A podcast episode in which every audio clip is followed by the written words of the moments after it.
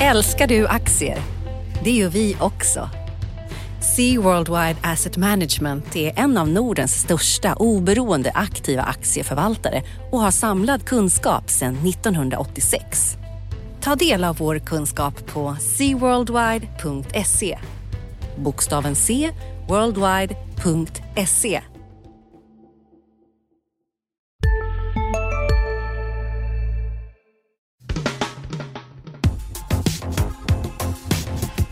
Analyspodden från Dagens Industri. Hej och välkomna till Analyspodden från Dagens Industri. Idag med mig, Martin Blomgren, och eh, med mig har jag Anders Hägerstrand. mannen som visste att Martin Lundstedt skulle ta över Volvo innan han själv gjorde det, eller? Ah, innan Martin Lundstedt själv gjorde det. Eh, det jag, tror nog att, att, jag tror nog att Martin Lundstedt visste att han var väl inne i processen när, jag, eh, eller när Dagens Industri avslöjade att, i mars då, att Olof Persson var precis nära att få gå och Martin Lundstedt var den hetaste kandidaten. Det tror jag. Mm. Det, det var ju kul att jag tycker det var, jag, jag, tänkte på det här när vi gick in och skulle göra den här podden, att det var en bra vecka för, för det lönar sig att läsa Dagens Industri igen, hade visat sig den här veckan. Men vi hade Gustav Tappers fenomenala säljrekommendation på JM i måndags. Just det, som det var, svagare ja, på det också. var stod i 300 spänn och föll ner till 250. Så sålde man på Gustavs rekommendation så man- var det jättebra. Och, och sen så, så var det ju faktiskt så att den som litar på oss då och att vi som, som oftast har, har rätt till våra nyheter så, så, och, och köpte Volvo-aktien när den stod över, under 100 kronor då i mars. Så har ju, tack vare att, att det här vd-bytet nu så har ju tjänat bra med pengar för aktien har gått urstarkt sen rapporten och vd-bytet. Mm, vi ska prata mer om Volvo och det är en händelserik vecka på många sätt. Vi är mitt i rapportperioden. Vi har haft ett eh, all time high på Nasdaq, amerikanska Nasdaq-börsen. Tog sig sedan 15 år efter IT-bubblan att hämta sig. Och vi har Tobii som noterades idag på fredag när vi Buller spelade in det och här. Buller och bång rusade och Eh, ska vi börja och reda ut hela Volvo-händelsen? De som har missat är ju då alltså att Olof Persson byts ut. Lite överraskande för många, men inte helt eh, överraskande får man ju säga. Men det är ju bara att titta på, på kursutvecklingen i Volvo. Den är ju bara katastrofalt dålig sedan han blev vd. En väldigt stor del av rapporterna har varit sämre än marknadsförväntningarna. Han har hela tiden eh, oftast levererat besvikelser. Och det är aktiekursen som mäter en börs sist och slutligen. Och, och, och levererar man inte aktiekurs och, och levererar man dåliga lönsamheter gång på gång, så då, då funkar det inte. Då måste man, då måste man bytas ut. Mm. Ja, man kan ju dra lite paralleller till, jag, jag tänkte på det med Carl-Henrik Svanberg som är ordförande då. Om man, om man tittar tillbaka på hans eh, karriär så, så har han ju varit med om ett par liknande händelser får man nästan säga. att eh, om, man, om man tittar på Ericsson när Kurt Hellström drev det, det var ju lite som Olof Persson-rollen. Mycket besparingar, försöka skaka fram vinster genom att skära ner hårt. Han blev också hudflängd och sen kommer Karl-Henrik Svanberg in och tar över som hjälte när allting vänder upp. Mm. Jag, jag tror ju dock då att skillnaden här är att det inte är lika glasklart att det kommer att vända, att vända upp för Volvo. Jag tycker ändå när man liksom, Volvo-aktien går väldigt starkt den här veckan. Och jag tycker man ska nog ha i åtanke att Martin Lundstedt kommer in, om, om, de, Martin- om Martin Lundstedt är så jätteduktig och kommer att vara ett helgon för Volvo eller en extrem, blir en vä- väldigt framgångsrik vd, så kommer det ta tid innan det visar sig. Han kommer in först i höst som vd och sen ska han då sätta sin prägel på det här stora, stora bolaget över hela världen med fyra olika stora lastbilsmärken. Det kommer ju att ta tid. Så att, tid, men han kan ju ha en timingmässig eh, fördel att komma in när de har gjort de här stora besparingarna. Mm. De har gjort de jobbiga grejerna, de har lanserat massor med nya produkter som har tagit mycket kraft och, eh, och sådär. Och, och komma in när det börjar bli medvind, om man är en, som han verkar vara då, en, en person som uppfattas som väldigt positiv framåt, så, så kan det bli en förstärkande effekt. Jag, jag, skulle, jag skulle nog vara beredd att sätta ganska en del pengar på att det kommer, måste komma mer strukturåtgärder efter de här Volvo har gjort. Alltså, och där har, det, är, ju- det är ju som jag skrev, där har ju Martin Lundstedt så mycket erfarenhet. För Scania har ju haft en väldigt bra st- struktur länge och inte behöver göra strukturåtgärder. Det är ingen varit någon strukturcase. Det är ju återstår att se hur duktig han är på strukturcase. Men jag tycker en annan sak med Volvo, aktien steg ju dels på vd-bytet men också på att rapporten var starkare än väntat. Du tittar ju mer på rapporten, vad så var, för jag var så mycket inne i det här vd-bytet. Hur, hur, hur, vad ser du om rapporten? Ja, men den var ju klart bättre än vad, vad marknaden väntade sig för att eh, man, man hade ju hunnit samla in snittprognoser då inför, inför rapporten som skulle kommit idag på fredag egentligen. Den kom i Och, onsdags. ja, rörelseresultatet 33 procent bättre och eh, det ska vi ses i ljuset då som du sa av ganska många besvikelser historiskt. Och eh, bättre orderingång i Europa. Det som det finns ju en hel del negativa grejer också som man, eh, som man lätt glömmer när både vd-bytet och siffrorna som helhet var bra. Och det är ju eh, anläggningsmaskinerna i Kina där det fullständigt packar ihop fortfarande. Det är 50 procent ner de första månaderna på året. Där hör, man, hör jag från marknaden, från personer med lite insyn, jag tror har god insyn i varje fall, att det, det kommer att komma mycket värre saker. Alltså det, det, de fick ju ta stora nedskrivningar där i Kina i, i slutet på förra året. Alltså det, värsta är inte över i Kina, alltså det är riktigt jobbigt där. Mm. Och det är det som är, de har det och så har de det här eh, Latinamerika, Latinamerika. är också tufft. Så det är svårt. Det är många tuffa saker. Men Europa kommer tillbaka sakta mm. eh, och USA är starkt. Det, men det är, där, det är väldigt mixat eh, hur, hur det mm. ser ut för Volvo. Jag tycker nog att när aktien stiger som den har gjort nu och det, värderingen börjar komma upp och man ska komma ihåg också att det första kvartalet alltid är säsongsmässigt starkt för Volvo. Nu kommer så, andra kvartalet och tredje kvartalet som brukar vara lite, i varje fall andra kvartalet brukar vara säsongsmässigt mm. svagare. Jag tror att man ska vara lite, eh, jag ska vara försiktig med Volvo-aktien. Mm. Det sa i och för sig, den stod i 100 andra också. Så det klart att det, det blir ett tacksamt case att driva nu för analytiker och förvaltare.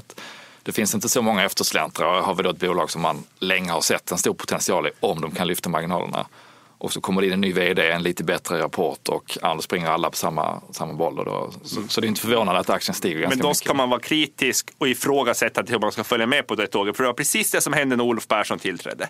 Det var en ryslig hås kring honom. Han gick ut med att han skulle ha rörelsemarginaler med 3 procentenheter hösten 2011. Aktien stack, han var hyllad. Och analytikerna hela tiden haft för höga förväntningar på mm. Volvo efter det. Mm. Särskilt de svenska analytikerna. Så, så man ska vara försiktig att dras med i det här. Alltså, det är mycket kvar att bevisa för Martin Lundstedt. Ja, om vi Kalk alltså, kalkylen är ju jättelätt på pappret. Man eh, har ett bolag som omsätter 300 miljarder ungefär och så räknar man på ett par procentenheters högre marginal och vips så, eh, så ser det jättebilligt ut. Men som sagt, det ska bevisas. Så att, mm. Eh, fortsättning följer. Vad, vad går vi in på sen? Eh, ja, det har ju kommit massor med andra rapporter. Lux är jag intresserad av lite. Lux har kommit på fredag morgon här ja, och det var ju väldigt spännande i och med att de kom med en vinstvarning för den amerikanska delen för två mm. veckor sedan ungefär. Eh, där de, de håller på med en eh, stor omställning på grund av energikrav och det är en spisfabrik som inte riktigt har fått igång flödet i. Och rapporten när den väl kom då idag på fredagen var ju ganska mycket bättre än, än väntat. Man hade skruvat ner förväntningarna ordentligt på Nordamerika och Eh, som vi och många andra har noterat så är det ju eh, allt, all press ligger på Europa nu då när, när man redan vet att Nordamerika är dåligt och Latinamerika är tufft. Men eh, även resultatet i Nordamerika var bättre och Europa var lite bättre än väntat. Så att eh, all in all en, en positiv överraskning. Bra, bra. Systerbolaget, om man får säga så, Husqvarna kom också med en helt okej rapport. Det verkar ju som att att Husqvarna fortsättningsvis är på, på rätt väg fast de har ganska tydlig motvind av, av, av dollarn här. Mm. Eh, det, hus, konsumentprodukterna i Europa går ju riktigt, gick ju riktigt bra, alltså deras premiumprodukter, Husqvarna och Gardens vattenprodukter. Det, så, det, Husqvarna-aktier tror jag att en aktie man ska titta på och köpa nu. Alltså det kan bli riktigt, det kan bli ganska, alltså Kai Wern gör väldigt många rätt saker. Nu får de dessutom in en väldigt duktig finansdirektör i Jan Ytterberg som har varit på Scania i flera år. Eh, Martin Lundstedt då, kollega under många år. Eh, så, så Husqvarna en aktie efter rapporten som jag tror, tror är intressant. Mm, men just valutan är ju alltså en jättegrej det här kvartalet. Eh, dollarn har rusat, eh, euron också stärkts mot kronan men inte alls lika mycket. Och det är ju enorma, enorma effekter på, på resultaten i bolagen. Man, man har ju sett MTG i veckan som kom, mediebolaget, som då köper in sina program, tv-serier och sådär i dollar och sen så säljer de en hel del i, i kronor och i rubel. Och den mixen är ju inte så himla Nej, det, kul. Det, det, är ruskigt. Men det är lite samma sak för Husqvarna. Men jag, tycker, jag, tror ändå att det görs så mycket bra i Husqvarna. Så jag, jag, tror man kan se bort mot det här att de mm. har en tung tillverkning i Nordamerika och, och skeppar produkter, särskilt till konsumentsidan. De lite lågmarginalprodukterna till Europa. Det är ju inte roligt alls. Nej. Men jag tror att vi kan se över det i Husqvarna. Det är min analys. Ja, men jag tror också där, där man ska vara eh, kritisk eller uppmärksam är egentligen de som tjänar väldigt mycket på dollar nu. Därför att den vinsttillväxten de visar, visst den är riktig, det är riktiga pengar. Men man kan ju inte värdera den som en, en vinsttillväxt som man har skapat på egen eh, organisk väg så att säga, som är riktiga vinster som kan vara en bestående vinstnivå under många år. Med en värld i gungning blir det viktigare än någonsin med kunskap och diskussion. Att värna det fria ordet, för livet och demokratin. Så när du trodde att du visste allt, har vi alltid lite till. Privata affärer plus allt. All journalistik du behöver, samlad. Prova en månad gratis. Sista dagarna nu på vårens stora season sale. Passa på att göra sommarfint hemma, både inne och ute. Och fynda till fantastiska priser. Måndagen den 6 maj avslutar vi med Kvällsöppet i 21. Välkommen till Mio. En, en valutavinst som, som trillar in det här året kan lika bra vara en valutaförlust ett annat år. Så att man kan inte sätta ett, eh, samma p-tal på dem vinsterna eller, eller se det som tillväxtbolag. Eller, eller eh, man måste, precis, man måste justera lite för Ja. det. Och tittar man i industribolagen då, det är Trelleborg och eh, SKF och alla som har kommit, så är, så är i princip hela tillväxtökningen, ofta, ofta både på omsättning och vinst, valuta.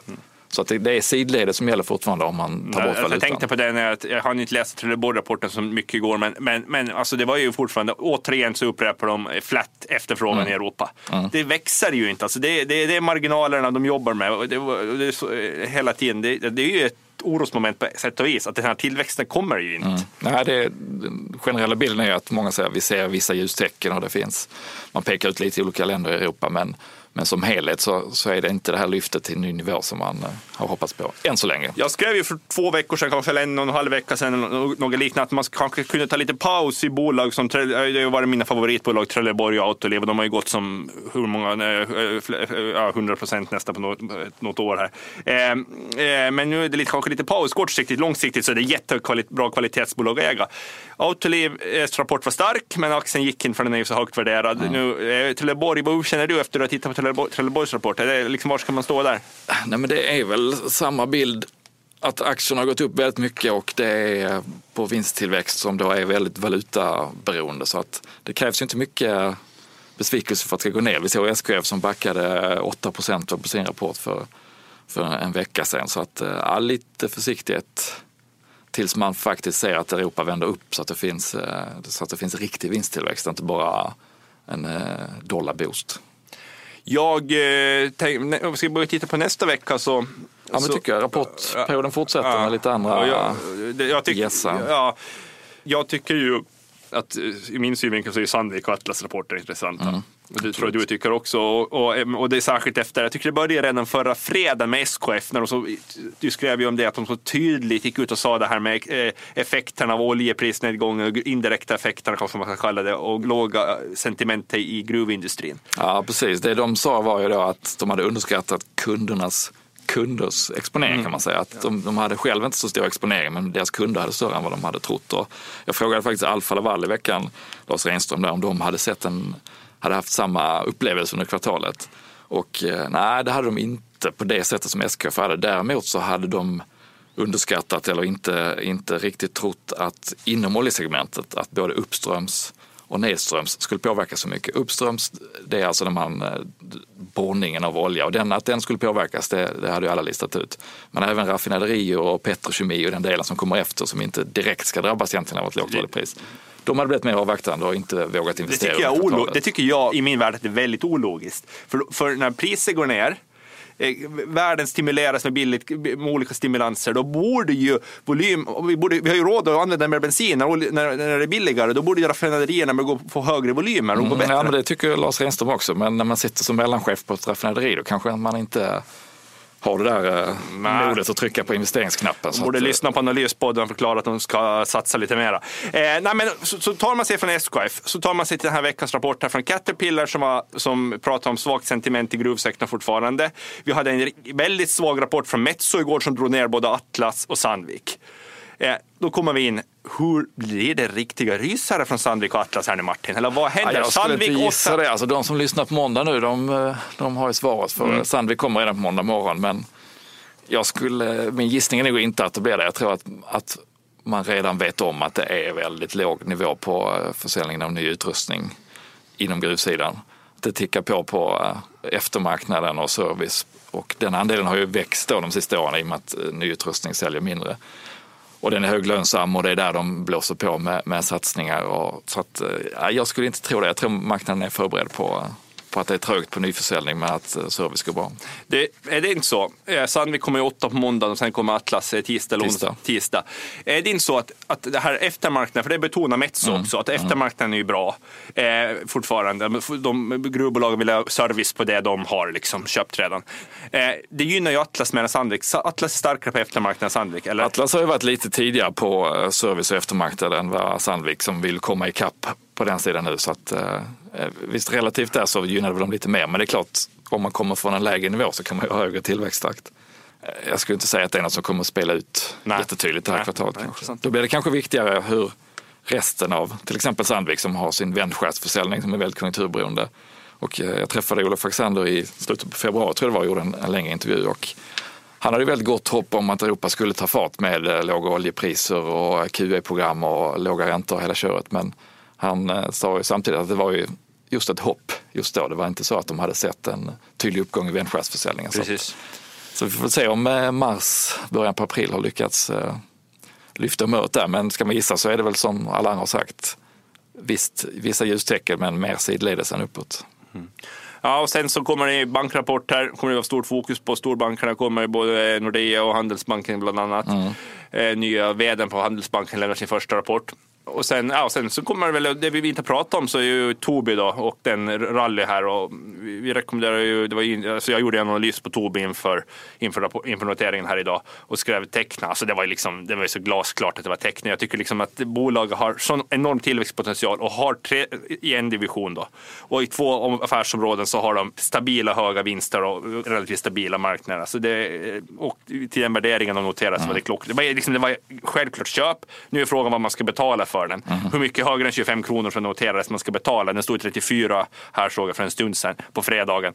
Eh, man ska, men det enda man kan säga det är ju börsen steg, steg den här veckan och det är väldigt hett där ute. Man ska nog vara försiktig i alla aktier nu när det drar väldigt mycket att det inte hamnar snett. Men det, det låter som en typisk uppköpskandidat. Varför, Ja, eh, det tror jag också.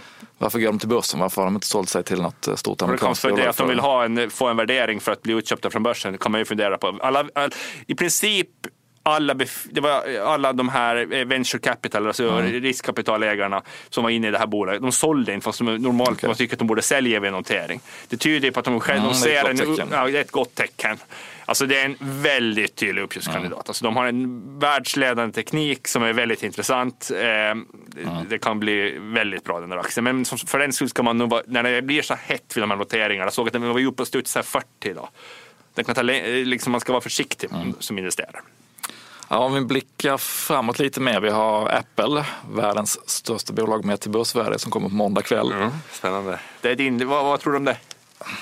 Alltså de här, förra kvartalet var ju ett monsterkvartal när eh, iPhone 6 började sälja i, i Kina framför allt. Så att, eh, alltså allt annat än att kineserna har köpt så många iPhone 6 så att eh, så det står härliga till. Det är, det är ju givet men, men eh, det blir också så att alla förväntar sig att de ska slå förväntningarna. Så att det, blir liksom en eh, det blir svårt att säga vad som egentligen förväntas. Men de har ju släppt sin eh, klocka nu också. Den första egentligen nya produkten efter Steve Jobs från Fälle. Så att eh, det blir väl intressant att se om de kan komma med någon, första indikation där på försäljningen. Vad kostar en sån klocka? Jag tror den billigaste kostar 3-4 tusen kronor. Sen så är det upp Aha. till den här guldmodellen då som, eh, som är över din och min nivå. Ja, Okej, det var den jag ty- tyckte var lite dyr. Men, Det var den du ville ha? Nej, jag ville ha, men jag, jag tänker, vem, köper den? Det är inte så stor marknad, men de kostar 3-4 tusen. Ja, jag, jag tyckte det glimtade till på Uffe Petterssons handled. Han kanske ja, man vet aldrig. Det går bra ner. Ska vara nu. Och sen så är det räntebesked från Riksbanken, inte att förglömma. Och eh, jag såg på SME som samlar in nationalekonomernas prognoser. 12 av 12 räknar med ytterligare en räntesänkning. Så att eh, minus blir ännu mer minus nästa vecka. Mm. Ska vi låta det ligga Det, där? det låter vi okommenterat. Ja. Och sen är det valborg, amatörernas afton. Ja. Blir det gäddfiske på Åland som vanligt eller? Ja, kanske ja, lite tidigt för gäddfiske. Alltså, det är ju sjöfågeljakten som börjar där första maj eller traditionen, så möjligen blir det det. Okej. Bra, vi, eh, vi släpper det där va? Mm. Jättebra. Tack för den här gången. Tack. Adjö. Analyspodden från Dagens Industri. Programmet redigerades av Umami Produktion. Ansvarig utgivare Peter Fellman.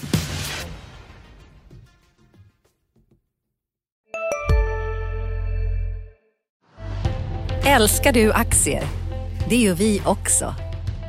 Sea Worldwide Asset Management är en av Nordens största oberoende aktiva aktieförvaltare och har samlad kunskap sedan 1986. Ta del av vår kunskap på seaworldwide.se. Bokstaven C, worldwide.se